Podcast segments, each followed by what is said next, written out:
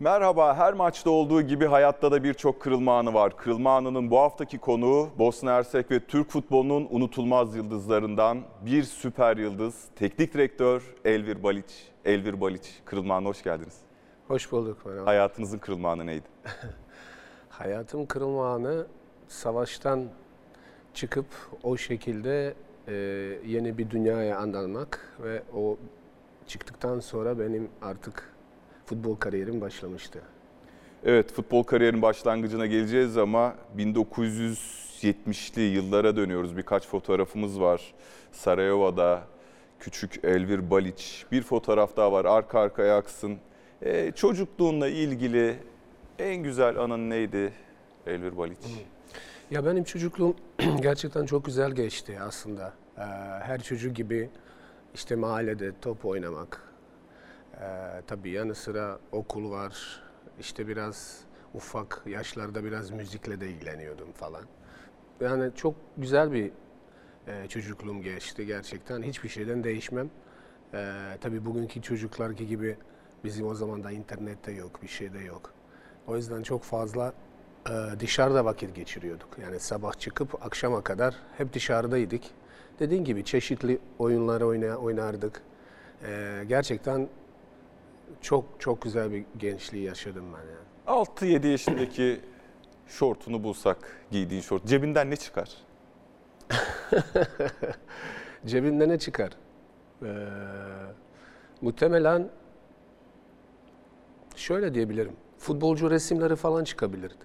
O zaman çünkü fut- şeyler var böyle e, futbolcu resimleri falan topluyorduk. Ondan oyna oyun oynuyorduk. Ben de top, tabii. Sen de topu ya, yaş, kilo, yani hangisi daha büyük kapatırız kartları. Aynen şeye öyle. göre. Öyle bir oyunları vardı. Muhtemelen onlar çıkar. Çünkü hep topluyordum yani eski oyuncuların. e, Kimi seviyordun en çok futbolcu? Futbolcu olarak ben e, hep söylüyorum Safet Susic hocam. Çünkü benim idolüm de aynı zamanda. E, küçükken hep onun için maçlara giderdim babamla beraber. Sarajevo takımında. Bizim efsane bir oyuncumuzdu. E, hem aynı zamanda idolümdü. Anne, baba e, size en çok niçin kızardı? Anne baba e, aslında daha çok annem kızardı. İşte okul ile ilgili biraz daha ihmal ettim okulu. E, hep bana ders çalış diye e, kızardı. Ben de derslere pek sarılmıyordum. Daha çok işte ya futbola ya oyunlardan ya dışarı çıkmakla e, vakit geçiriyordum. Onunla o- da bana daha çok ona kızardı. Babam da çok fazla aslında kızdı mı tam kızardı ama e, çok fazla şey yapmıyordu bana. Hani böyle çok e, ne kadar otorite olsa da bana çok fazla kızgınlık ya da böyle çok fazla üzerime gitmedi. Daha çok bana böyle futbol için destek vermiştir baba. İki kız çocuğu babasısın. Şimdi kendi babana baktığın zaman hangi özelliklerini aldın sence? Ya şimdi benim babam farklı. Bize yaklaşımı çok farklıydı. Çünkü biz bize böyle nasıl diyeyim sana otorite böyle daha sert yetiştirdi. Ee, o şekilde ben de farklı davranıyorum çocuklarım. Ben biraz daha böyle medeni, daha böyle yumuşak. Hani çocukları hala böyle öpmeye, böyle mıncıklamayı seven bir tipim. O yüzden çok farklıyız o konuda. Yani e, tabii bazı konularda çocuklara hani nasıl davranması gerektiğini e, sürekli konuşan bir insanım ama dediğim gibi ben biraz daha yumuşak bir babayım yani. Küçükken anne babaya söylediğin en büyük yalan neydi? Ee, Herkes söyler. Evet yani çok söylerdim. Okul ile ilgili en çok Öyle mi? söyledim yalanlar yani böyle e, her hafta normal bir e, ya annen ya baban okula gelmesi lazım orada. Veli toplantısı. Veli toplantısı, toplantılarda hep şey söylerdim yani. E, bir olay oldu işte öğretmenin şusu vefat etti işte iptal oldu falan gelmeyin diye öyle çok yalan söyler. Okul ile ilgili en çok yalanları söylerdim. Şimdi yavaş yavaş futbola geçelim. Bu fotoğrafın bilgisini alayım sizden ve futbolla ilişkiniz başlıyor zaten mahallede oynayarak. Ne zaman hissettiniz yetenekli olduğunuzu, diğerlerinden farklı olduğunuzu? Ve gerçekten mahallede oynarken yani bizim biraz önce bahsettiğim gibi yani her çocuk gibi böyle mahallede e, e, o zaman mesela kaleler de mesela yoktu. Alırdık böyle iki taş koyardık işte 2 2 3'e 3'e 3 böyle bir şey oynuyorduk yani aralı mahalle mahalle arasında. Sonra çeşitli turnuvalar oluyordu işte okul arası. E, hep sürekli onları da hiç kaçırmazdım. Orada hep sürekli top oynardım dediğim gibi sabah akşama kadar. E orada oynarken tabii insanların mm, oradaki gelen insanlar işte benim oturduğum sitelerde komşularım falan e, babam çok güveniyordu, söylüyordu her zaman. Hani belliydi zaten futbolculuk yani küçüklüğünden beri bazı şeyler gerçekten beri- be- belli oluyor. Yani topu alışınızı, işte oradaki zekanız. O yüzden orada hemen belliydi. Ee, tabii e, şey gerekiyordu artık bir takıma artık e, seçmelere katılmam gerekiyordu. Hatta bu biraz önceki resim bir tane e, orada e, seçmelerden sonra evet bu e, hemen birkaç ay sonra e, Fransa'ya gitmiştik bir turnuvaya gitmiştik. Yani bu olması lazım 84 senesinde 84 ya da 85 daha benim yeni bir e, takımında e, futbolcu olmam bu bir başlangıçtır aslında. Sonra Sarajevo takımına geçiyorsunuz. Evet. Ve Ya Sarajevo sekiz yıl- aslında hayatınızın da kırılma. Evet, evet. evet. Bak bu resim mesela ben hiç bilmiyorum. 8 yıl e, Železničar takımında bütün işte PAF takımdan, bütün genç takımlardan falan geçtikten sonra tabii savaş başlayınca e, Sarajevo takımında transfer oldum. Aslında orada çok detaylar var ama e, yeni bir başkan gelmişti ve Sarajevo takımında böyle iyi bir kulüp yapmak istedi kendi başında. Sonra beni de orada kattı. Zaten biz o turnuvalarda oynadığım işte e, bazı turnuvalarda olduğum e, maçlarda beni gördü ve benim Sarajevo'ya geçmek istedi. Tabii Sarajevo o zaman biraz daha organize bir kulüptü. E, Železničar'a nazaran ve geçtim ve aslında o anda iyi ki geçmiştim. Çünkü benim kariyerim aslında hep e, her şey ona bağlıydı. Yani Sarajevo'ya geçtikten sonra. Şimdi muhtemelen hayalinde yurt dışında oynamak, Bosna Hersek'in dışına çıkmak vardı ama öyle bir nedenle o yurt dışı seyahatleri başlıyor ki aslında çok da istenecek bir durum değil. Evet. İç savaşla beraber Sarajevo takımının baş, bambaşka bir misyon üstlendiğini görüyoruz. Zannediyorum daha önceki röportajlarında da yani Malezya'ya kadar, Singapur'a kadar Aynen. e, yardım amaçlı maçlar düzenliyorsunuz. Evet. Bu sa- sizi nasıl etkiledi? O hikaye nasıl? Ya o kadar aslında detayları var ki tabii bizim bu programımız da yetmez. E, ya benim Sarajevo geçişi çıkmam, o kadar e, savaş, işte savaştan çıkmam, o kadar olaylı oldu ki. Ama sonuçta bir şekilde izin aldık ve e, Bosna'dan e, ayrıldık.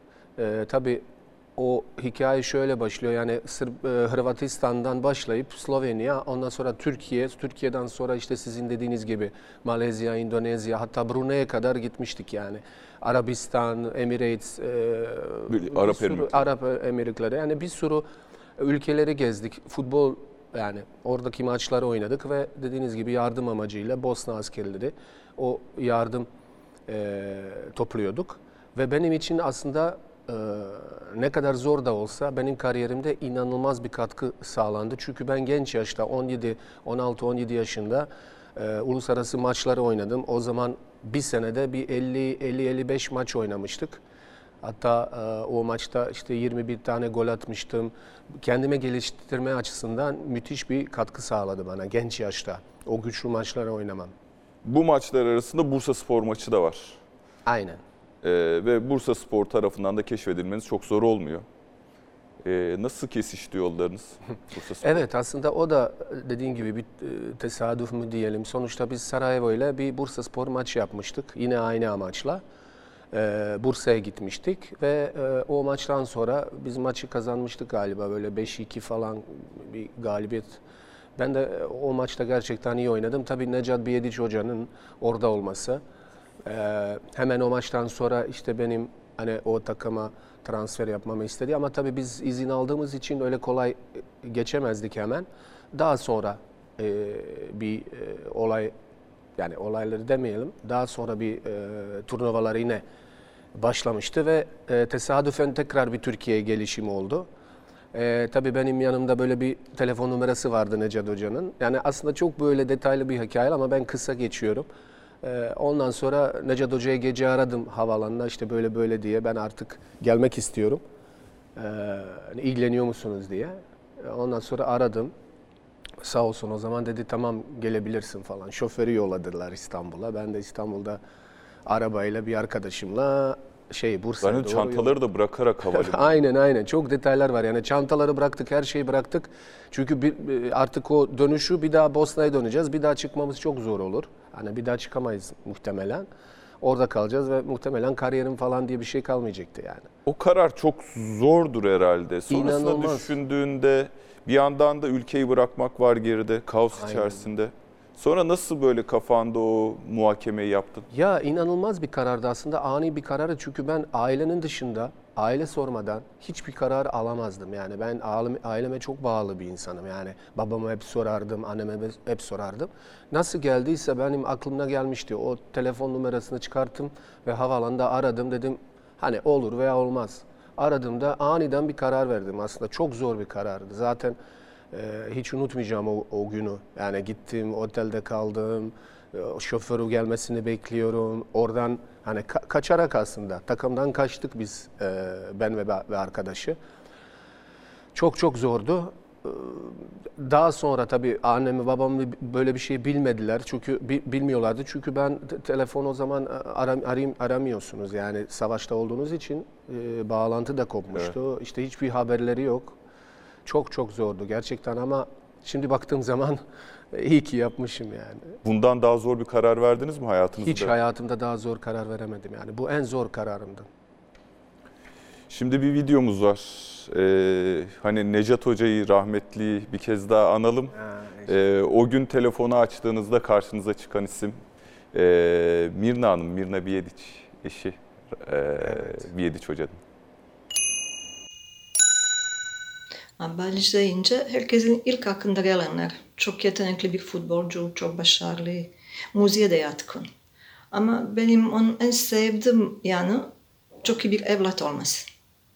Bazı şeyler unutmuş olabilirim ama onun ailesinde, Bursa'da ilk buluşması hiç unutmadım. Duygu yüklü sahneler, yani savaşta çıkmış bir ailesi. Özellikle annesiyle sarılma anı aklımda hiç çıkmadı. Şimdi kendisi iyi aile babası. Mirna Hanım'a çok teşekkür ediyorum. Şimdi ne zaman en çok zorlandın? Çünkü çok zor bir psikoloji. Aileme bağlıyım, bıraktım diyorsun. Vatanını bırakıyorsun bir kaos içerisinde. En çok Bursa'da ne zaman zorlandın? Bir de geldin oynayamıyorsun da. Altıköy, Aynen. te, Altay Vakıfköy tesislerinde kaldın herhalde değil mi? Kesinlikle. E tabii o geliş zaten e, Bursa'ya geldikten sonra benim aslında yine en zor günlerim başladı. Çünkü hiçbir şey belli değildi yani. Ben geldim orada 3 yabancı o zaman hakkı vardı sadece. 3 yabancı e, dolmuş durumdaydı. Ben sadece antrenmanlara çıkıyorum. Şubat ayında geldim. 2 Şubat 95 hiçbir zaman unutmayacağım o tarihi. E, e, dediğiniz gibi yani e, daha oynamam için bayağı bir süre bekleme gerekiyor. Ne olacak yani? O anda mesela bir şey olabilirdi, sakatlık çıkabilirdi. Her her şey olabilirdi. Yani çok zordu. Vakıfköy tesislerde kaldım 4 ay, 4 dört buçuk ay gibi. Ee, hatta o zaman Necat Hoca ile de konuştum işte ne zaman oynamaya başlayacağım diye. Çünkü hiçbir şeyden haberim yok. Ondan sonra dedi ki ben hatta ligin baş, başlarken ben oyn- oynayacağımı zannettim. Bana dedi ki Intertoto Kupa var dedi. Oradan dedi başlayacaksın falan filan. Ben de şaşırmıştım yani onu bile bilmiyordum yani o, o kadar e, şeydi ama en zor o dört ay tesiste kalmam kimse yok işte kimse de konuşacak hatta sadece e, genç takımlarda birkaç tane oyuncu vardı onlarla iletişim e tabii Türkçem o zaman sıfır e, öğrenmeye çalıştım işte ilk başlarda. E ne yaptım? Tesislerde kalıp orada işte fitness'e gidip çalışıyordum tek başına. Gerçekten çok çalışıyordum. E, çok zordu, çok zordu. Yani o, o e, oynana kadar bayağı bir sıkıntı çektim yani. Bursa'yı çok sevdiğini biliyorum da en çok Bursa'nın nesini seviyorsunuz? Ya Bursa aslında çok şey var benim için tabii en özel, en özel bir yer. E, Yani Bursa Spor'da oynamam, Bursa şehri, insanlığı, taraftarları, e, yemekleri, nereden başlasam yani gerçekten e, her şeyini çok seviyorum. Ama tabii en çok özlediğim o tabii taraftarları en çok özlediğim aslında. Çünkü Bursa Spor taraftarı da müthişti yani bana olan destek, sevgi. Bir de o, o Bursa'da çok şey bizim e, Boşnak, işte Arnavut, işte Makedon çok böyle insanlarda oluşan bir şehirdi. O da çok güzel oldu. Zaman zaman böyle ilerideki e, günlerde tabii birileri gelip de benimle böyle konuşması, Boşnakça bilmesi. Yani güzel her şey. Yani Bursa'da yaşadığım benim 3 sene döneminde hiç unutul, unutulmaz. Gerçekten unutulmaz. Mirna Hanım diyor ki müziğe de yetenekliydi diyor.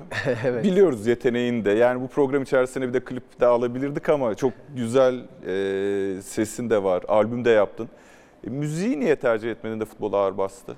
Şimdi tabii küçüklüğümden beri daha çok futbola yatkını daha çok seviyordum ama aynı zamanda dediğiniz gibi müziği de çok severdim. İşte şarkı böyle dinlemeye, e, ufak işte bir tane resim vardı işte akordiyonla falan başladı böyle bizim Bosna'da.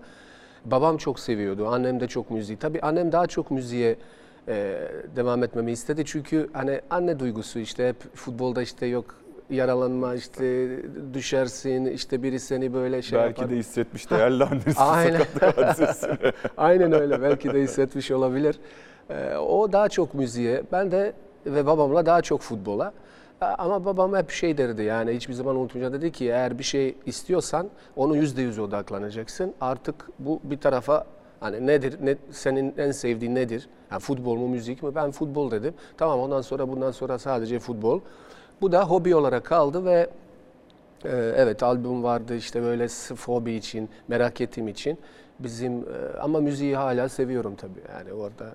Şimdi yavaş yavaş futbol sahasına eşit sahaya girelim. 2 Ağustos 1995. Bu arada Balic vuruyor. Atacak demiştim. Atacak demiştim. Şeytanın bacağını kıracak demiştim. Balic çıldırdı. Balic çıldırdı. İşte hani eşek arası sokması gibi öyle bir gol attı ki Walter Thomas uzanıyor ama 25 metreden vurdu. Bir bir durum. Zar döndü demiştim. Haydi Bursa.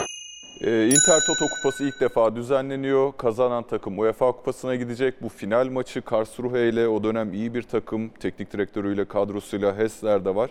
Bu gol Elvir Balic'in im- o yaşta atmış olmana rağmen imza gollerinden biri herhalde değil mi? Hiç Kesinlikle. beklenmedik bir şekilde 20-25'ten vurulan. Kesinlikle o zaten şöyle bir şey yani Inter Toto Kupa başlarken ben hep hani iyi performans gösterip ama bir türlü gol atamıyordum. Hep asist yapıyordum. Hatta Ercüment'i o zaman hep her maçta Musisi de atıyordu, Ercüment atıyordu. E şimdi o kadar böyle e, benden çok bile taraftar istiyordu benim gol atmama. Hatta bir mevzusu vardı beni şey götürüyorlar. Benim adıma işte kurban kestiler sonra gittiler beni bir e, yaşlı teyzeye götürdüler böyle kurşun dokturdular neler neler yaptılar yani benim o dönemde. Ben de her şeyi bir şaşkınlıkla falan böyle izliyordum. Ve galiba işe yaradı o maçtan önce. e, dediğim gibi ilk golüm bu Bursa Sporu için ve o kadar önemli bir maçta ve hala unutulmaz bir maç. Yani 3-3 bir maç, 120 dakika, 9-8 penaltılarda kaybettik bu maçı ve çok özel benim için. O maçta birlikte oynadığınız ve biraz önce ismini andığınız bir konuğumuz var Ercüment Şahin. Elvir benim oda arkadaşımdı. Bursa'da beraber olduğumuzda ilk önce şöyle bir kıyafetlerime falan baktı. Ben de e, Zürih'ten geldiğimde işte malzemelerim yeni pırıl pırıl. İlk gördüğünde böyle imrenerek ayakkabılara bakmıştı. Benim de iki çift vardı. Bir çift de yeniydi. Öyle bir baktı ki Elvir dedim istiyorsan alabilirsin dedim. Onun gözleri o kadar parladı ki, o kadar mutlu oldum ki onun mutlu oluşuna. İyi hatırlıyorum. Bir gün ben cezalıydım galiba. Bir Sarıyer maçıydı. Balic bir maç e, bir maçı tek başına alacak bir futbolcu. Yani sürekli laf ediyorlar. Babasıyla maçı seyrediyorum. Bir ara bir kalkacaktım, dönecektim. Yani kızacaktım taraftarlara. Kendi futbolcunuza nasıl böyle bağırırsınız ya da hatta küfür edebilirsiniz diye. İnanır mısınız o arada bir füzeyle gol attı. Babası o kadar mutlu oldu ki galiba gö- gözyaşı da dökmüştü. Hani benim e, Elvir'i bu kadar e, sahiplenmem ya da korumam tribünde çok hoşuna gitmişti. Orada da böyle bir bir anım olmuştu. Kendisiyle değil ama babasıyla. Evet ya. En çok neyin eksikliğini hissettin gençliğinde? Ercüment'in, Ercüment Şahin anılarının arasında dolaşırken.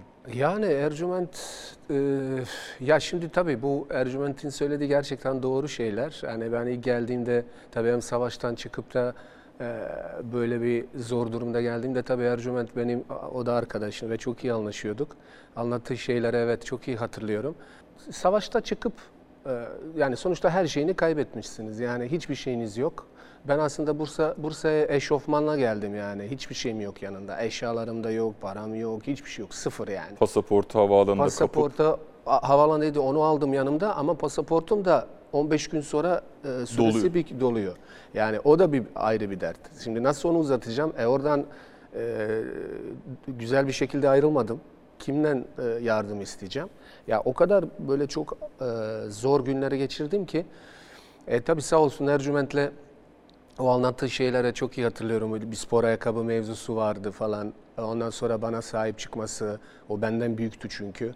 Ee, doğru söylüyor. Babam bunu hep söylüyor. Yani seni nasıl korudu orada işte türbinde böyle çıktı taraftarla. Çünkü bir şekilde olmuyordu. 0-0 maç gidiyordu. İşte herkes tabii benden beklentisi var, küfür var, şu var, bu var derken işte sağ ayakla çok iyi hatırlıyorum. Çok güzel bir gol attım. 1-0 maç bitti. Ve babam onu hala söylüyor. Babam o, o- konuda yani Ercüment'i inanılmaz seviyor yani. Çok seviyor. Hala da onu söylüyor yani. Bursa Spor'da 3 sezon kaldın. Peki ayrılman gerektiğini belki de herhalde tabii ki Anadolu'dan çıkmış. Anadolu'dan büyük kulüplere gelen çok önemli yıldızlar var ama o dönem oynadığı reklam filmleri, Türkiye'nin genelinde yarattığın e, sansasyonla Bursa'yı aşmıştın aslında. Sen ne zaman hissettin bunu? Bravo. E zaten e, 4 sene mukavelem vardı. İşte Intertoto birinci sene, ikinci sene, sezon müthiş oldu. Üçüncü sene, se- sezon yine de iyiydi ama tabii ikinci sezon gibi geçmedi. E yavaş yavaş e, bir sene daha mukavelem vardı ama o kadar artık işte medyada, gazeteden, işte büyük takımlar, teklifler sürekli yazılıyordu, çiziliyordu. Benim zaten hedefimizdi, hedefimdi Avrupa'da oynamak. Ama o zaman tabii Bursa Spor'dan bir Avrupa'ya gitmek gerçekten daha zordu. Yani e, biliyorsunuz hani Avrupa'da oynamanız lazım, Şampiyonlar Ligi oynamanız lazım. Hani biri size daha fazla, bir de Türk Li- Ligi o kadar takip edilmiyordu, bilmiyordu kimse gene e, normalde. E tabii benim hedefimdi yani İstanbul'da büyük bir takıma gelmek önce. Ondan sonra e, devam etmek ve nitekim işte üçüncü sezon e, bittikten sonra artık baktım ki orada sizin dediğiniz gibi yani artık yavaş yavaş gitme durumu geldi ama ayrılmak o kadar zordu ki yani çok iyi hatırlıyorum bir programa katılmıştım Bursa'da ayrılırken E, taraftar önüne geldi işte beni ya lütfen gitme işte bize bırakma falan filan çok zordu yani ağlayarak ayrıldım ama sonuçta dediğim gibi yani profesyonel düşünmem lazımdı ve e, o, o sene işte Fenerbahçe'de talip oldu ve ben de e, Fenerbahçe'ye transfer oldum. 12, 12 Mayıs 1998'deki NTV Spor Bülteni'ne gidelim. Elvir Baliç kendisini resmen Fenerbahçeli yapan imzayı attı. Boşnak Yıldız Fenerbahçe'ye toplam 11 milyon 800 bin dolara mal oldu. Fenerbahçe kulüp binasındaki uzun bekleyişten sonra Elvir Baliç taraftarların uzun süren tezahüratı altında kendini resmen Fenerbahçeli yapan imzayı atmak üzere Başkan Aziz Yıldırım'ın odasına girdi. Dışarıda sabırsızlanan taraftarlar tezahüratlarını sürdürürken Baliç imzayı attı ve sonra sarı lacivertli formayı giyeceği için çok heyecanlı olduğunu söyledi. Baliç Fenerbahçe'yi istemişti ve bu gerçekleşmişti. Ayağının tozuyla Derazı tesislerine giden Elvir Baliç, sarı lacivertli formayla basın mensuplarına poz verdi. Kendisini selamlayan taraftarları da unutmadı. Barış buraya, yumruk havaya! Barış buraya, yumruk havaya! Barış! Barış!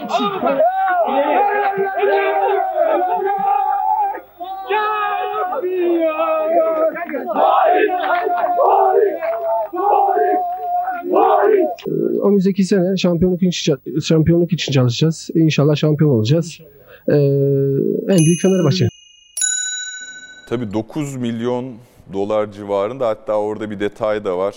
Tayfun Seven e, genç bir futbolcu da Bursa Spor'un yolunu tutuyor ayrıyeten e, çok gelecek vadeden. Ona da sevgiler. E, tabii ki maddiyat çok önemli karar verirken. Onun dışında neden Fenerbahçe? Aslında ilk başta e, yani Bursa Spor'da ayrıl, ayrılmaya karar verdiğimde daha doğrusu işte e, biraz önce e, yayında gördüğünüz gibi yani e, Fenerbahçe'deki yönetim kurulu şey vardı hani seçim vardı Evet. başkan ile ilgili. Yani her şey bir anda denk geldi aslında ve e, zannedersem Aziz Yıldırım'ın Vefa Küçük'ün önünde bir, bir, bir oyla Bir kazanmıştı. Zaten e, o e, seçim biter bitmez hemen başkan direkt beni aradı yani. O zaman direkt e, irtibata ayında. geçti. Tabii tabii hemen yani arkasında hemen konuştu. E, aradı beni işte böyle böyle "Aa, hani biz seni Fenerbahçe almak isteriz gelmek ister misin? Ben de orada hiç e, şey yapmadım yani hiç düşünmeden evet dedim. Yani aslında sözlü bir şey oldu, anlaşma oldu. Ben dedim e, bundan sonra hani merak etmeyin hani bir imzamız da yoktu. Dedim ben Fenerbahçe'ye geleceğim yani. Ben size söz verdim. Yani ilk başta Aziz Yıldırım tabii aradı. E, Öyle bir şey oldu ilk başta yani seçim oldu. Ve iyi ki de gelmişim yani Fenerbahçe'ye.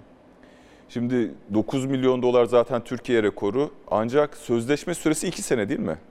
Evet iki sene. Bosman kuralları henüz yok. Onun için kulüplerin eli daha güçlü. Ama sanki de yine 2 yıllık sözleşme çok uzun süre kalmayacağının göstergesi gibi Fenerbahçe'de. Öyle Aslında- bir düşünce var mıydı? yani aslında- belki 3-4 sene istediler sen ya ben 2 sene oynarım oradan daha büyük Ee, bir Avrupa kulübüne. Vallahi işte bak o detay siz söylediniz. Ben hiç öyle bir şey yani düşünmedim. O neden iki sene neden herhalde o kurallardan dolayı mı? Bosna Bo- Bosman kurallarından Ha. dolayı eskiden çünkü sözleşmesi Şey bitse bile futbolcunun bir sene otomatikman uzuyordu. Ee, o kalmaması halinde yani e, bonservis bedeli ödemeden ayrılmak diye bir şey yoktu. Aa onu bir evet evet onu biliyorum. Vallahi işte dediğim gibi ben ilk başta kafamda e, yani Fenerbahçe'ye geldiğimde hani illa burada sadece iki sene kalacağım diye bir şeyim kalmadı asla. Zaten o ilk sene yaşadıktan sonra çok uzun süre hatta belki e, kariyerimi bir de bitirmek istemiştim e, Fenerbahçe'de. E, e tabii e, büyük bir olaydı. Büyük bir baskı altında kalmıştım yani o transferde. Sizin dediğiniz gibi hani 9 milyon dolar da o zaman yani yani 1 milyon marka, 2 milyon marka oyunculara giderken en büyük yani paralara verilirken işte 9 milyon dolar hatırlıyorum. Herkese artık e, medyada işte spor camiasında olsun, sanat camiasında herkese soruluyordu. Ya bu kadar para verilir mi bir oyuncu işte? Hatta bir bu parayla işte şu kadar yol yapılır, bu kadar üniversite açılır. Hep böyle şeyler vardı. O yüzden ben gerçekten baskın altında hissettim kendimi. Bosna'ya gitmek zorundayım hemen e, kamp dönemde biraz daha böyle e, kendime toparlayayım diye. E, gerçekten büyük bir olaydı yani. Büyük Evet gerçekten büyük Transfer. olaydı ama öyle bir başlangıç var ki TSY'de kupasında Galatasaray'a gol atıyor ama Baliç e, mağlup oluyor Fenerbahçe. Hiç hız kesmiyor. 25 Ağustos 1998'e gidelim. Güzel bir anlatım da var. Haydi çocuklar Balic ön açıldı. Sağ ayakla vurabilir misin? Vurursun. Vurursun. İşte bu. İşte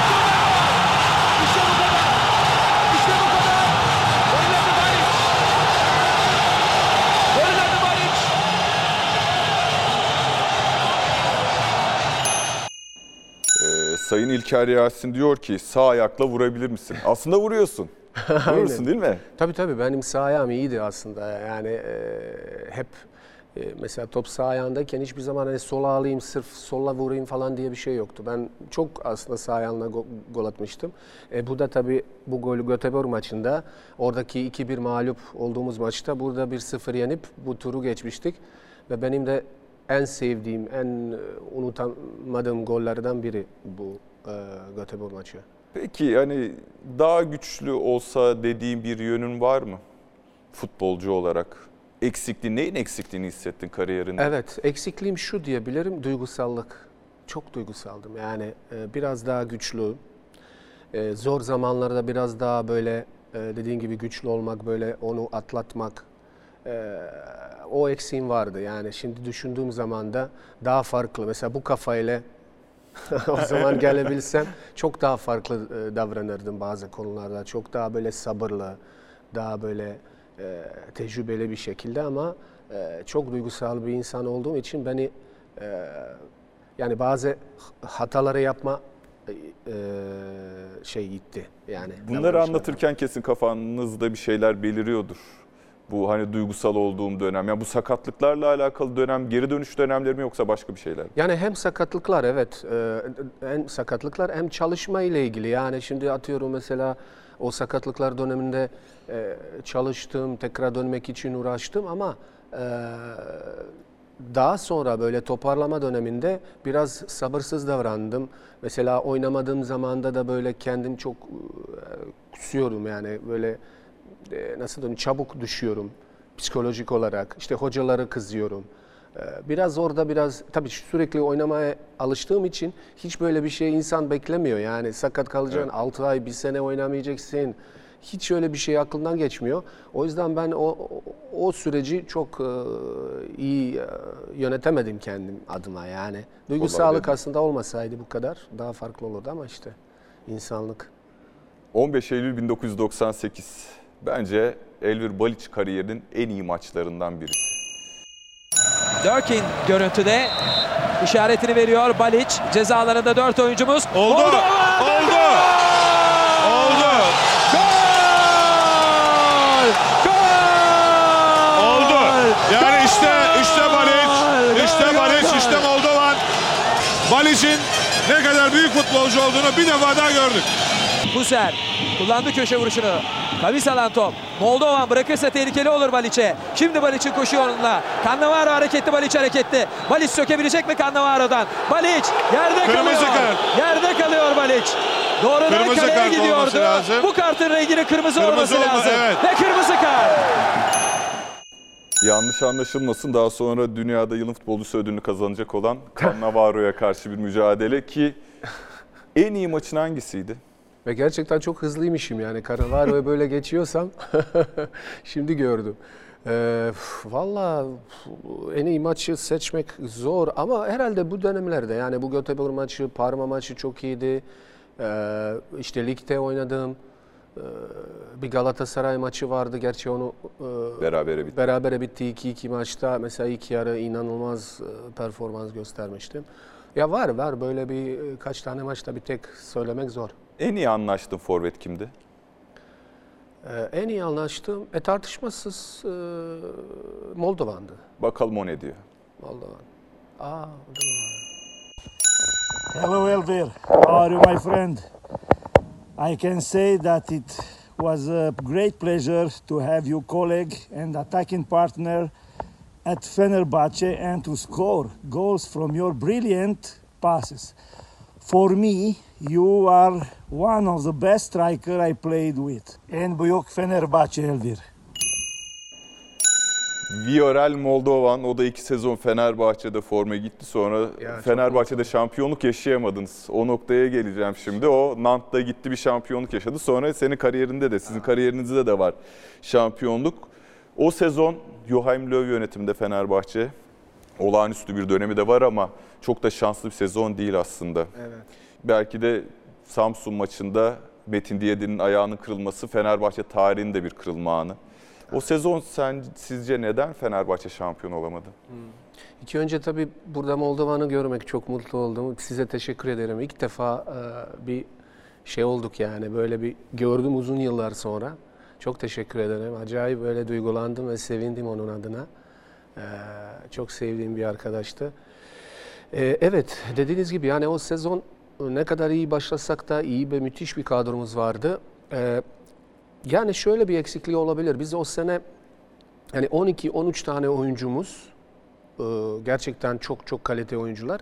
Geri kalan oyuncularda hani kalite oyuncularda ama çok böyle oynamadıkları için çok böyle e, kızan, çok böyle aralarında biraz sıkıntı olan oyuncular vardı. Ben çok iyi hatırlıyorum hep çünkü oynamak istiyorlardı ve bu oyuncular da kariyere sahip, daha önceki kulüplerde oynayan oyunculardı.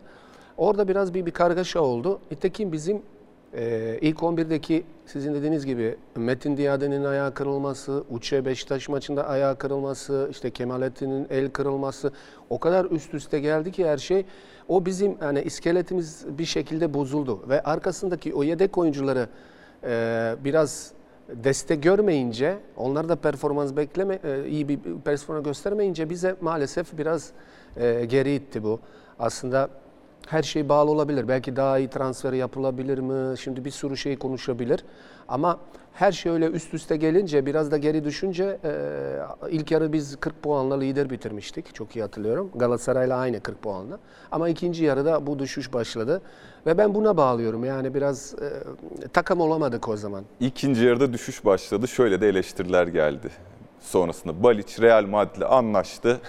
Topa ayağını sokmuyor, sakatlanmaktan korkuyor. Doğru mu bu? Asla, asla öyle bir şey yok. Tabii ben hatırlıyorum o o yorumları falan. Böyle bir şey olamaz zaten. Ee, mümkün değil yani. Hiçbir oyuncu böyle bir şey düşündüğünü zannetmiyorum ama benim de e, zaten çünkü o zaman Real Madrid e, ortalarda yoktu. Yani herkes işte çiziliyordu, e, söyleniyordu ama hiç öyle bir şey yok. Hatta ben hani dediğim gibi ben Fenerbahçe'de uzun yıllar oynamak istedim. Ee, çok da mutluydum. Ee, O yüzden asla öyle bir şey kabul etmiyorum yani. Peki bu ağır sakatlıklar Metin Diyadin, Uçe e, psikolojik olarak etkiledi mi? Bir tedirginlik yarattı mı? Evet, çok tedirginlik yarattı. Çünkü dediğin gibi sürekli oynayan oyuncular ve iyi anlaştığımız oy yani bizim o kadro gerçekten iyi anlaşıyordu. Kim nerede oynadığını, nasıl oynadığını. Hatta ben sadece ben değilim. İşte Moldovan, Moshe, Metin Diyadin, eee, şey Murat, Murat Yakın. Yakın. Yani hep maçlara alınan oyunculardı yani sadece ben sahneye çıkmıyordum yani orada bir mesela Erol, Tayfur on- onlar da çıkıyordu yani Uche Hök zaten efsane bir e, ikili. Ee, o yüzden bize çok etkiledi. Yani böyle bir gücümüz azaldı. Biraz belki özgüvenimiz gitti. Dediğim gibi bazı sıkıntılar vardı. O takım ol- olmamamız e, Etkiledi. etkiledi bize. Ee, Joachim Löw sonrasında Almanya milli takımıyla Dünya Kupası şampiyonluğu yaşadı. Belki sizin için de büyük bir avantaj Löw'le çalışmak. Löw kariyerinizi nasıl etkiledi sizce? Ya Löw e, benim en sevdiğim, e, en, sa- en saygın duyduğum hocalardan biri.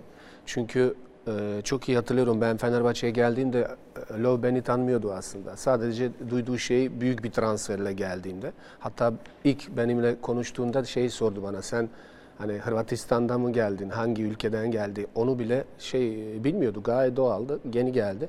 Yok dedim ben Bosna'dan geldim falan. E tabii şimdi e, takıma geldikten sonra ve o hazırlık maçlar, antrenmanlara o performansı gördükten sonra tabii onu... Elindeki cevheri anladın ne olduğunu. Evet o bana karşı gerçekten böyle e, çok büyük bir saygı e, işte aramızda o iletişim. Hatta çok iyi hatırlıyorum mesela bir e, Beşiktaş maçından e, benim çok büyük bir sakatlık yaşadım. E, Parma maçında Turam e, ayağıma basmıştı. Tendonlar neredeyse kopmuştu şu arka te- tendon yani e, aşil tendon değil de onun yanında tendonlar falan var bilekte. Ondan sonra Beşiktaş maçı çıkmak istemiştim. Ee, oynama, oynamam gerekiyordu. Bana söylüyordu ya işte nasıl durum falan. Vallahi dedim basamıyorum ayağında. Benimle sahaya çıkıp haydi bir kontrol edelim dedi. Bir koş bakalım falan. Ben de normal düz koşu yapabiliyordum ama yan soldan Manevra sağdan manevra yapamıyorsun. İşte bak yapabiliyorsun falan. Hani bana hep böyle hani oyna oyna oyna. Ya dedim gerçekten hocam dedim yapamıyorum. Nasıl oynayacağım? Ben böyle hani kötü olmak istemiyorum. Ya bana dedi ki ya lütfen dedi sadece çık. Ya oyuncular seni görsün dedi orada. Çünkü sen dedi sahaya çıktığın zaman bizim gücümüz farklı. Oyuncular yanındaki oyuncular seni görünce. Yani böyle bir şey söyleyince yani siz de şimdi tabii ayağın kırılsa da çıkarsınız yani o maça. 3-2 kaybetmiştim ama yine attırmıştım golü o, o maçta. Yani il- ilişkimiz müthişti. Hatta bana bunu söylüyordu. Sen dedi burada artık duramazsın fazla dedi bana. Sen dedi hatta dedi ki Barcelona'ya gideceksin dedi bana. Bunu hiçbir zaman unutmayacağım. Barcelona olmadı, Real Madrid oldu. Barcelona'yı mı tercih ederdin, Real Madrid mi? Vallahi hiç fark etmez o zaman. Yani şimdi ama Real Madrid bence dünyanın en büyüğü.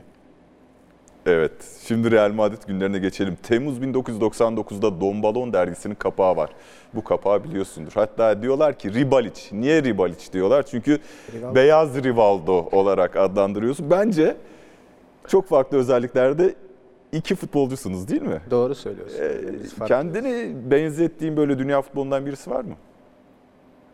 Yani ben hep kendim olmaya çalıştım. Hiç öyle bir şey ne oldu ne, ne ben düşündüm ne de karşıdaki insanlara. Dediğim gibi ben kendim yani olmaya çalıştım. Benzediğim bilmiyorum. Şimdi hatta aklıma bile gelmiyor hani kim olabilir diye. Ama Rivaldo ile gerçekten farklı oyunculardık yani. Evet. Hiç öyle bir şey yok. Bu arada 20 milyon dolarlık, 21 milyon dolarlık bir bonservis bedeli ama daha da ilginci Türkiye'den yurt dışına giden en pahalı futbolcu Real Madrid'in 150 milyon dolarlık bir tazminat maddesi koyması sözleşmenize. Evet. Şimdi bu da ayrı bir baskı ama şunu soracağım. Belki insanlara asimetrik bir şey gelebilir, mukayese gelebilir. Real Madrid'de mi baskı daha fazla, Fenerbahçe'de mi?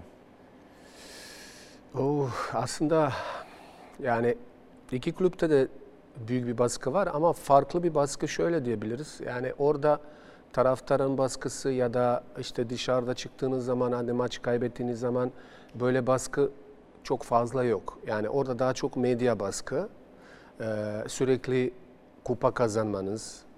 Ee, çünkü Real Madrid'e bir hedef var. Mesela oraya gittiğiniz zaman hem Şampiyonlar Ligi hem lig hem de kupa. Yani bu her zaman böyledir. Yani hiç bunun dışında bir şey asla düşünülmez. O konuda e, büyük bir baskı var. Bir de yanındaki tabii gelen yani oynadığınız oyuncular ya baktığınız zaman dünya yıldızları. O yüzden o oradaki baskı başka. Fenerbahçe'deki aynı şekilde lig kazanmanız lazım ama e, Fenerbahçe'de tabii taraftar baskısı dışarıda işte çok fazla rahat gez, gezememeniz yani kötü oynadığınız zaman da biraz daha farklı fanatizm biraz daha fazladır. O yüzden iki kulüpte de baskı var aslında ama fark. Hazır mıydın Real Madrid'e? Fiziksel olarak belki evet ama psikolojik olarak, mental olarak belki değildim. Belki biraz daha kalsaydım burada daha farklı olurdu diye düşünüyorum. Şimdi düşündüğüm zaman. Çünkü bilmiyorum belki o sakatlık yaşadığım için bu kadar biraz önce anlattığım şey duygusallık. Ama o kadar çok çabuk her şey gelişti ki benim kariyerimde. Yani Bursa, Fener, Real. Bir senede neredeyse böyle roket gibi çıkmışız. E, o yaştaki 23, 24, 25 yaşındaki e, insanın belki de hiç düşünmediğim Real Madrid gibi bir takımın transfer olması gerçekten üzerimde inanılmaz bir baskı oluştu. Yani ben kendi kendime e, bence onu iyi yönetemedim diyebilirim. Real Madrid istiyor dediklerinde ya da Toşak'la konuştuğunuzda ne hissettiniz? İşte çok kararsız kaldım aslında. Hani ben hep şunu söylüyorum yani başka herhangi bir takım gelseydi ben Fenerbahçe'de muhtemelen ayrılmazdım yani. Çünkü benim için Fenerbahçe gerçekten hem çok büyük bir takım hem de güzel günler geçiriyordum. Başarılı oluyordum. O taraftara, camiaya mutlu mutlu görmek ve ben hep şunu söylüyorum yani iyi gittiği zaman dünyanın en büyük takımı Fenerbahçe'dir yani. Bunu rahatlıkla söyleyebiliyorum. E bizim o dönemde dediğim gibi kendi maçımda her şey gide- giderken tabii Madrid gelince ister istemez kafanız biraz karışık oldu. Ee, bir geldiler sonra işte anlaşamadık hatta Aziz Başkan o zaman astronomik bir fiyat söylemişti. 35 milyon dolar diyor veriyorsanız verelim falan filan mümkün değil zaten 20 milyon bile inanılmaz bir e, şey. Onlar da gitti Yani bir, bir kere. Dedim ki tamam ben artık Fenerbahçe'de kaldım. İkinci sezon için kampa katıldı. Rıdvan Hoca gelmişti. Sonra Anelka'yı almaya gittiler. Anelka'yı alamayınca bir baktım tekrar geliyorlar. Eyvah dedim yani geliyorlarsa tekrar demek ki bu iş bir şekilde olacak diye. Ya çok da gönüllü değilsin bunu anlıyorum. Yani Real Yani Madrid- değilim gerçekten değilim ama yani şimdi Real Madrid ama söylediğim lafları da söylediğim başkana da bazı şeyler söylediğimde aynısında oldu. Yani konuştuğumda dedim ki e, başkan da vermek istemiyordu aslında. Yani bir sezon önce de o koçayı kaybetmiş. Evet, o koça gitti ben. "Cık, Nasıl yapacağız diye. Başkanım dedim ben de gerçekten çok kararsız ama dedim bir daha acaba Real Madrid gelir mi? Ya da dedim e, yani sakatlık yaşarsam bir daha hani sanki böyle bir şey oldu gibi.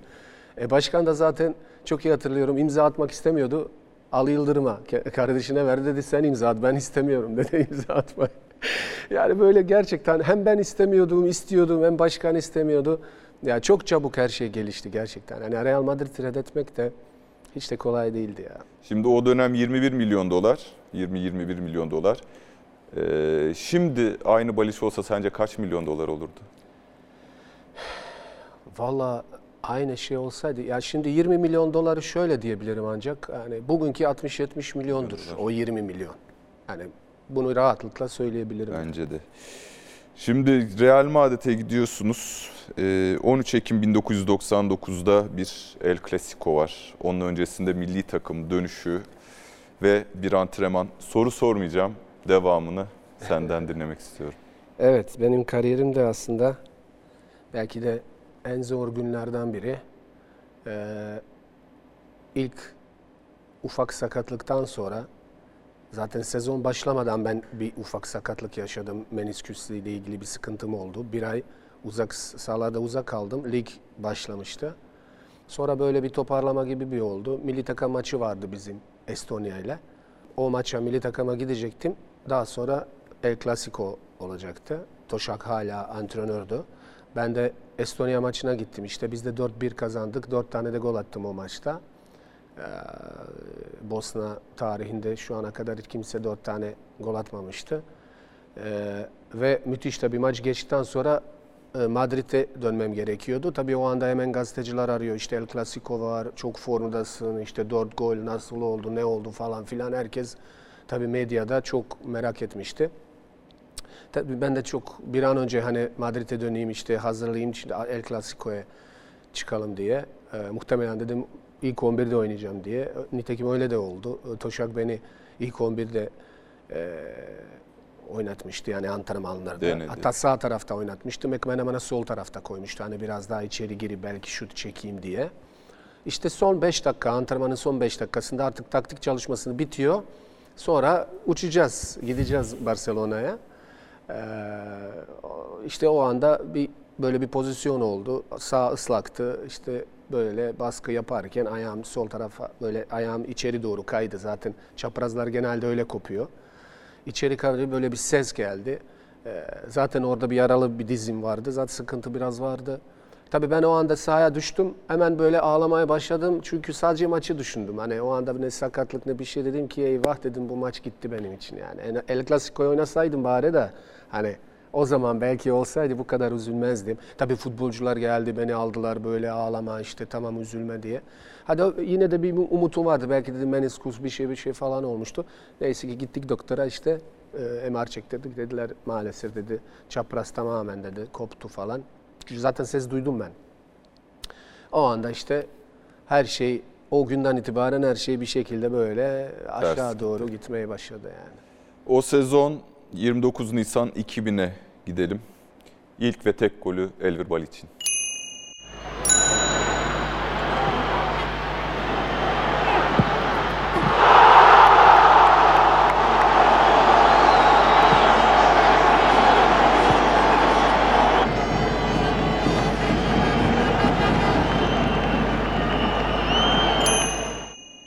Sonrasında %100'ünle rahat hissettin mi sahada? Bir de uzun süre sonra gol atmak nasıl bir his?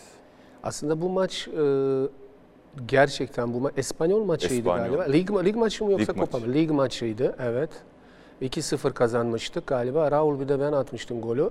Ee, ilk 11'de oynatmıştı Del Bosque. Çok çok iyi bir oynadığım bir maçtı. Ee, şöyle bir anım var. Hmm, bu maçtan sonra şey olması lazım. Manchester United'de biz Şampiyonlar Ligi oynamamız gerekiyordu diye, Evet, diye doğru, hatırlıyorum. doğru. Ve bu maçtan sonra böyle bir oyundan sonra aslında biraz önce bahsettim ya o duygusallık ben böyle biraz e, güçlü olma, olmamaya e, e, nasıl farklı davranmam gerektiğini diye anlattım anlatmıştım ya. Bu maçtan sonra dedim ki ben dedim Manchester United'da kesin oynayacağım dedim. Ha, ilk 11'de oynayacağım. Çünkü bu maçtan önce Savio galiba bir, e, o hep oynuyordu sol tarafta. Bir hafta hep e, şey sakat kalmıştı. Hiç antrenmana çıkmadı. Dedim ki bu maçta dedim şimdi Manchester United geliyor. Hem moralim çok yüksek, iyi oynamıştım. Bir geldim tekrar yedek e, soyundum. Savio oynattı. Ben or oyuna giriyorsunuz. ya giriyordum evet girdim o oyunda da girdim ama yani o kadar yani anlamsız ki hani iyi oynuyorsunuz, atıyorsunuz. E, oyuncu sakat bir hafta hani mantıklı olarak benim oynamam lazımdı. Yine de yıkılmıştım orada. Tabii girdim o maçta galiba bir pozisyona girdim böyle sağ ayakla vurdum eğer o maçsa tam olarak hatırlamıyorum. 3-2'nin rövanşı 0-0 bitiyor. Tur atlıyor Real Madrid. Aynen öyle. Bravo. Ondan sonra işte orada çok üzülmüştüm ya. Orada da belki işte bu duygusal kırılmalar Aynen aynen yani biraz daha Yoksa güç- daha çok çalışayım hani bir daha kendime ben orada hemen dedim ki eğer bu maçta oynatmıyorsa beni falan ben de dedim demek ki bundan sonra oynatmaz beni falan ondan sonra gidiyorsunuz işte psikolojik olarak. Yanlış aslında ama. şimdi teknik adam olarak değil mi? E tabii. Ne kadar. Şimdi e, 24 Mayıs 2000 bir görüntümüz daha var.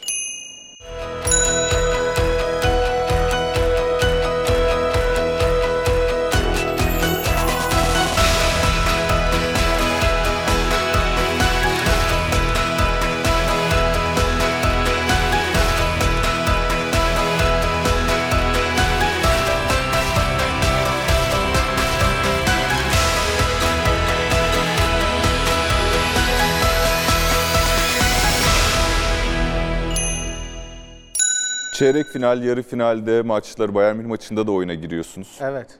E, finalde oynama beklentiniz var mıydı? Sahaya girme şansınız olmuyor ama. Tabii Valencia ile Paris'te. Evet yani bir önceki maçlarda işte biraz oynadım. Dediğiniz evet Bayern Münih'e biraz girmiştim ama son son dakikalara doğru. Yani ilk 11'de oynamayı beklemiyordum ama tabii kulübe de oynama belki sonradan girmeye bir şekilde bekliyordum ama o sene e, ligde Real Madrid hani biz o zaman kötü gidiyorduk. Tabii Del Bosque geldikten sonra Şampiyonlar Ligi gerçekten müthiş bir performans. İşte bu maçta da Valencia maçı, final maçı. Kulübedeydim. 3-0 kazandık. Hatta o, o, o sene Valencia inanılmaz bir kadro, inanılmaz bir maç. E, maçları çıkartmıştı ama bize karşı orada tamamen bir fiyasko yaşandı. Çok iyi hatırlıyorum o kadro nasıl böyle kötü oynar, oynar diye. İşte 3-0 kazandık o maçı.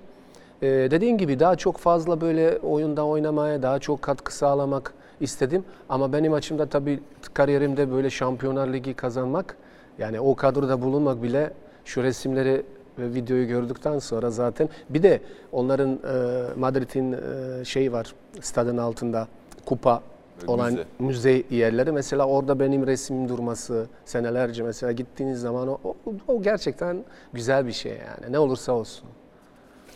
Evet, sonuç itibariyle Elvir Balic'in kariyerinde bir Avrupa şampiyonluğu var. Tarihte bunu belgeledi ve o sezondan sonra bir geri dönüş Fenerbahçe'ye 2000-2001 sezonunda kiralık olarak Fenerbahçe'ye dönüyor Elvir Balic. O sezon gerçekten de Fenerbahçe'nin Elvir Balic'e ihtiyacı var mıydı? Yani Revivo, Rapayic, Anderson, işte genç oyuncular da var Serhat gibi, Yusuf Şimşek gibi hücum oyuncularından bahsediyorum. Evet, evet, evet. Gerçekten Balic'e ihtiyaç var mıydı o sezon? Valla aslında çok güzel bir soru sordun. Çünkü tam böyle bir şey hatırlıyorum o zaman. Ee, konuşmamız geçmişti çünkü. Ee, yönetim beni geri almak istedi. Hani tekrar oynayayım diye. Aslında Mustafa Hoca galiba böyle biraz Mustafa Denizli Hoca gelmişti. Ee, transferleri yapmıştı yani o bölgelere falan. Pek de böyle bir hani sıcak bakmadı gibi ben hissettim o anda. Ama o zaman tabii öyle düşünmüyordum. Sonuçta e, her zaman hani iyi oyuncuya büyük takım her zaman belki bir ihtiyacı olabilir diye. Sonra geldikten sonra e, şey bir sıkıntı yaşamadım. Tabii o anda şöyle bir şey oldu. Rapayic'in sürekli sakat olması, oynamaması benim orada e, oynamam e, aslında doğru bir şeydi. Yani benim gelmem o zaman düşündüğünüz zaman. Çünkü o zaman eksiklik olurdu. Nitekim oynadım ilk başlarda ama tabii e, kampı iyi geçirmediğim için e, pek de iyi geçmedi ilk haftalar e, Fenerbahçe'de. Ama yine de sonuçta şampiyon olmuştuk o sene. İkinci yarı, daha doğrusu ilk yarının son 6-7 haftada tam oynamaya başladım ve gol atmaya başladım.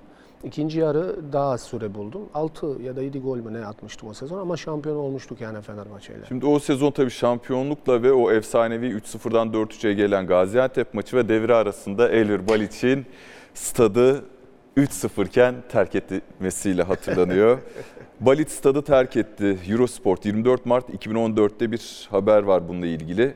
Mustafa Denizli 3-0 biten ilk yarı sonunda Balic oyundan alarak Rapaiç'i sahaya sürdü. İkinci yarı başlarken Balic stadı terk etti. Boşnak Yıldız maç sonrası sabah yaptığı özel açıklamada arkadaşlarım gelmiş anahtarları olmadığı için kapıda kalmışlar. Ben de eve gittim.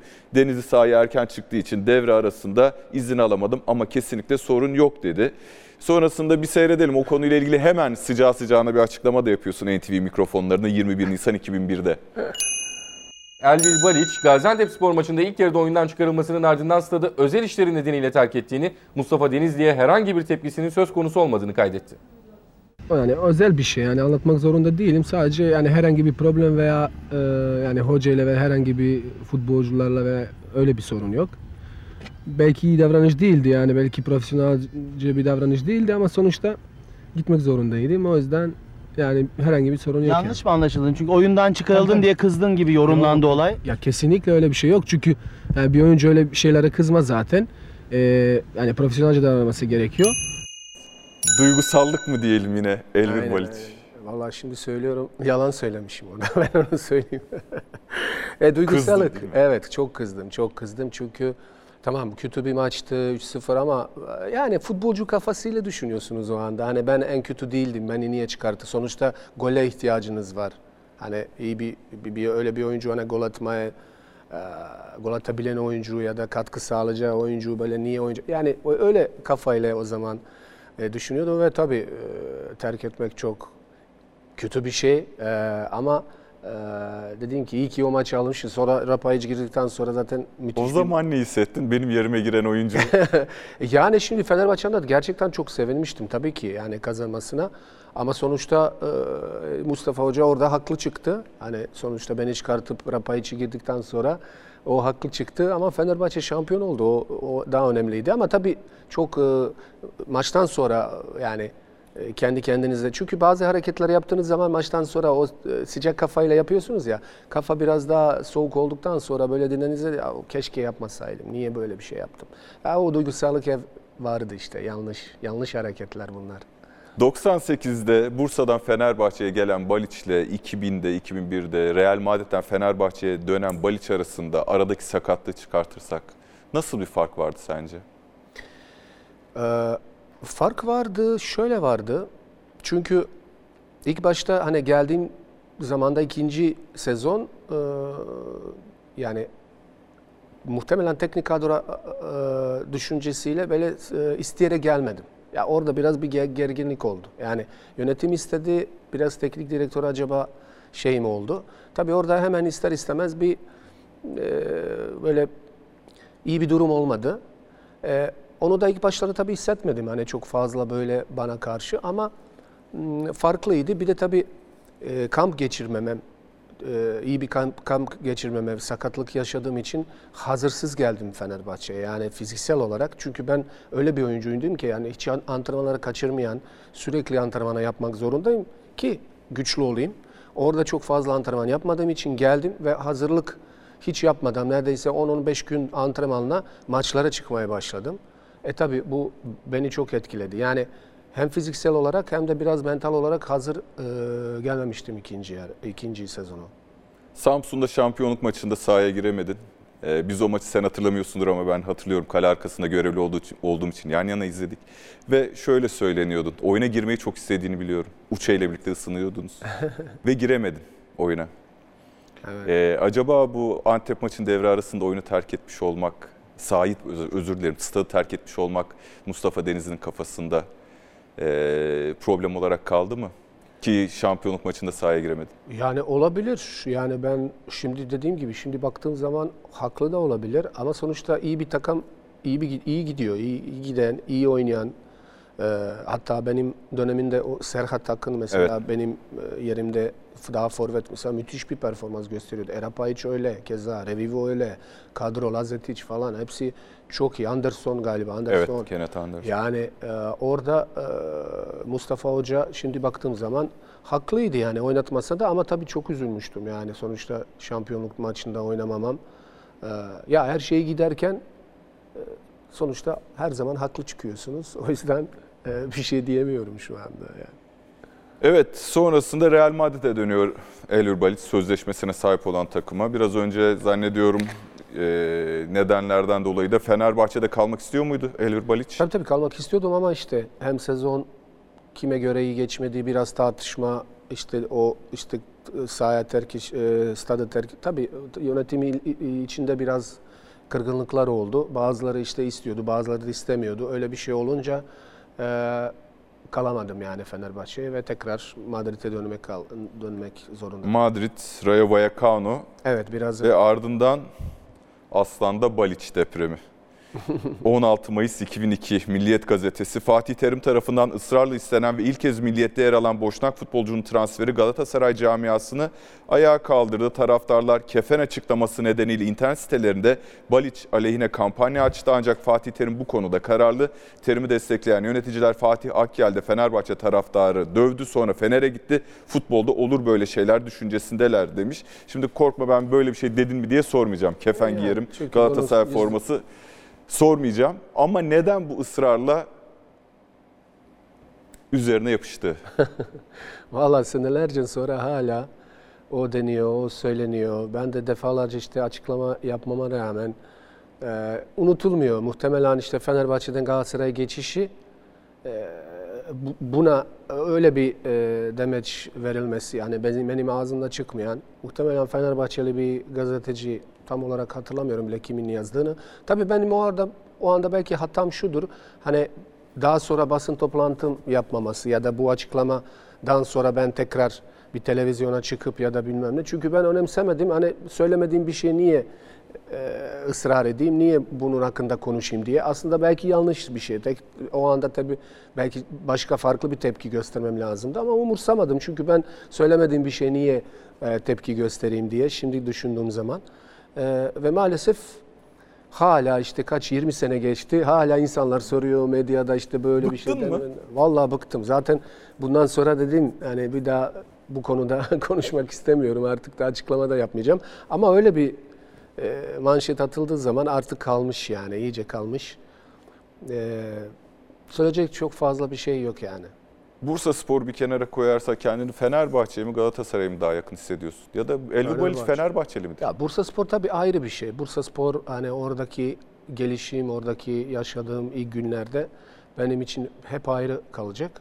Ama büyük takım olarak tabii ki Fenerbahçe. Yani Fenerbahçe'nin hiçbir takımı kıyaslamam. Ee, ve bence Türkiye'nin en büyük takım Fenerbahçe. Bunu da sadece ben değil, oynayan arkadaşlar da hatta Galatasaray'da gelen, Fenerbahçe'ye gelen de aynı şeyi söylüyor. Tabii ama bu konular hassas olduğu için kimse net bir şey söylemiyor. Ama gerçekten Fenerbahçe'nin camiası bambaşka bir camia.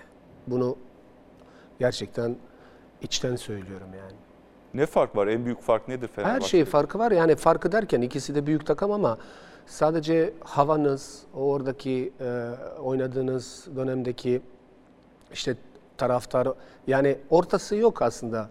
Yani Galatasaray biraz daha rahat camia. Yani iyi gittiği, kötü gittiği zaman da biraz daha farklıdır ama Fenerbahçe'de öyle bir şey yok. Belki o yani ben öyle bir oyuncu olduğum için hani baskıyı seven bir tiptim aslında. Şey e, sahaya çıktığım zaman böyle taraftarların baskısı işte ne bileyim maç önemi e, her şeyle, hava ile e, yani hatta bir açıklaması vardı ya Ali Şen'in mi açıklaması? İşte Fenerbahçe'nin oyuncu en iyi arabası kullanacak, en şey kız arkadaşını gezdirecek işte bilmiyorum. Gerçekten öyle. Fenerbahçe'nin havası başkadır yani. O yüzden gerçekten Türkiye'nin en büyük takımı. Galatasaray'a transfer olurken çekinmedin mi peki? Ya tabii çe- çekindim şöyle çünkü biliyordum hani tepki taraftarın Fenerbahçe'nin taraftarı olacak. İşte Galatasaray camiasına işte dediğin gibi bu talihsiz hani açıklama benim yapmadığım nasıl karşılayacak falan filan. O da bir baskı vardı yani sonuçta. Ama benim sadece kafamda şu vardı. Tekrar kendimi toparlanıp, toparlayıp yani büyük takıma gelip yine Avrupa'daki maçları belki tekrar Avrupa'ya gidip de yani tekrar bir toparlama süreci. Çünkü 27 yaşındaydım. Daha iyi bir yaştaydım. Ee, Böyle düşündüm ve Galatasaray e, transfer oldum. O anda tabii Fatih Hoca'nın var olması o- o- olma işi. Ee, Bana güvenmesi, çağırması. Ee, Böyle bir şey düşündüm. Ama maalesef daha sonra tabii tekrar talihsizler, talihsizlikler, işte sakatlıklar benim peşime bırakmadı. Bu ameliyatlar da çok speküle edildi. Özellikle İspanya'da, Madrid'de olduğun. Ee, kadavradan bağ Evet. Bu sıra dışı bir tedavi olduğunu biliyor muydun? Ya da sıra dışı mıymış o tedavi, o operasyon? Çünkü Vallahi- ikinci operasyonu yapan Sayın Ömer Taşer diyor ki e, kadavra dokunun ileride sorun çıkarma riski çok daha fazla. Biz de zaten 8 yıldır bu yöntemi kullanmıyoruz diye de ikinci ameliyattan sonra böyle bir açıklaması var. Maalesef, maalesef. Ben daha sonra öğrendim. Yani ben Madrid'teyken daha yeni uygulamaya başlandı herhalde bu bu tedavi. Hani kadavra bana anlattıkları doktora dedi, daha çabuk iyileşiyorsun. Ama çünkü şey yok, kesme o kadar fazla olmuyor. Buradan böyle tendonlar alınmıyor. Kadavradan orada işte atroskopi olarak daha çabuk geçiyor. Hatta bana sormuşlardı hangisini yapalım diye. Ben nereden bileyim yani ben benim öyle hani tendonlarımı alalım şöyle alalım. Nitekim tabii e, Galatasaray'a geldikten sonra Ömer Hoca bana da söylemişti. Hem yanlış yapmışlar yani e, teknik olarak yanlış yapmış, yapmışlar. Yani bağ hiçbir şekilde böyle çok gevşek bırakmışlar. Yani açıda hiçbir şey yapmamışlardı. Hem de kadavradan alması, o vücutun o uyum sağlaması çok zor. Ve beni o çok geri itti. Yani bence o ameliyattan sonra bütün bu sakatlıklar sonra bunun için yaşadım zaten. Çünkü hiç iyi bir an- ameliyat geçirmedim maalesef.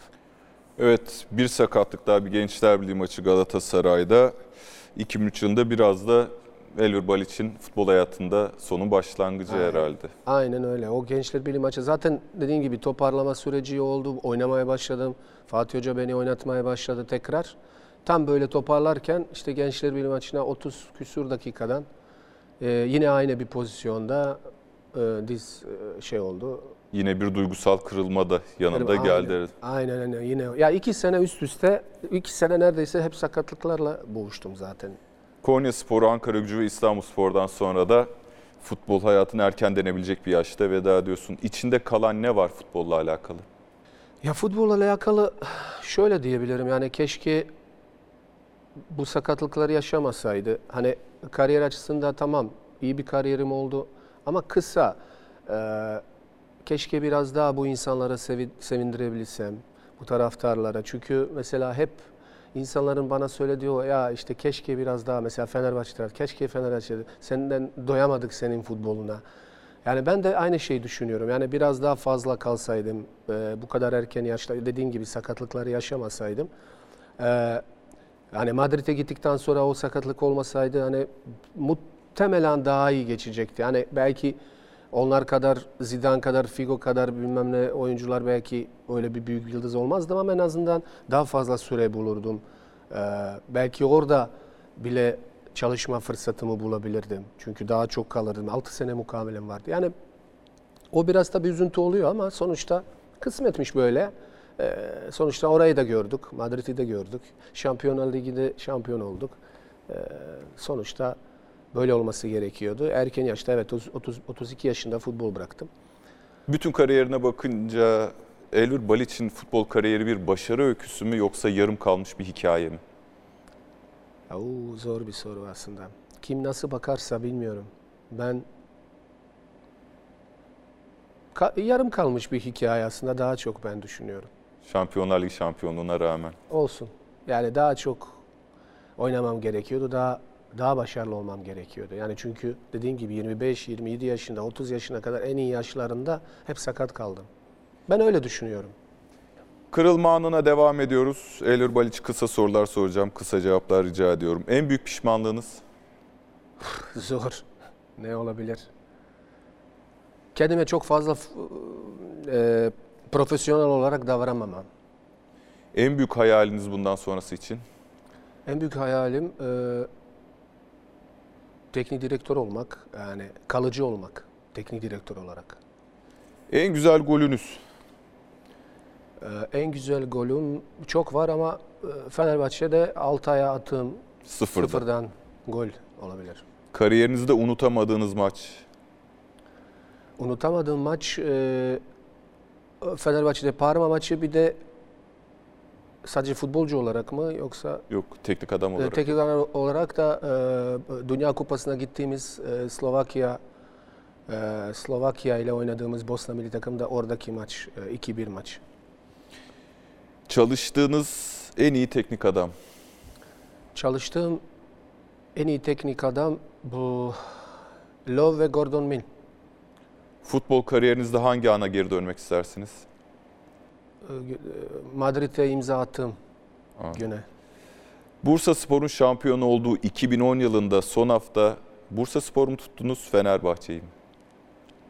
Ee, çok zor bir soru evet. Ya Bursa Spor aslında hiç şampiyon olmadığı için belki Bursa Spor biraz daha ağır basmış olabilir. Sizi en iyi tanımlayan sıfat? Duygusal. Duygusal işte. Gelmiş geçmiş en sevdiğiniz futbolcu? e tabii ki Safet Süsüç Hoca. Bir lakabınız olsa ne olurdu? Var benim lakabım var. Bala diye çağırıyorlar ama e, Bir anlam var mı? e, aslında bir hiçbir anlamı yok. E, soyadınla bağlantılı oldu. Baliç, Bala, Bala, ha, Bala, ha. Bala, Bala diye çağırıyorlar. Başka bilmiyorum. Şimdi aklıma gelmiyor. Messi ile birlikte oynamak mı yoksa Dino Merlin'le düet yapmak? Çok güzel. ya Messi ile oynamak tabii ki ya. En son ne zaman ve niçin ağladınız? En son ve niçin ağladım? Ee, biraz ailemi özledim. Yani Bosna'daki ailemi biraz özlediğim için biraz ağladım birkaç ay önce. Böyle bir birden duygusallık oldu benim. Aile için.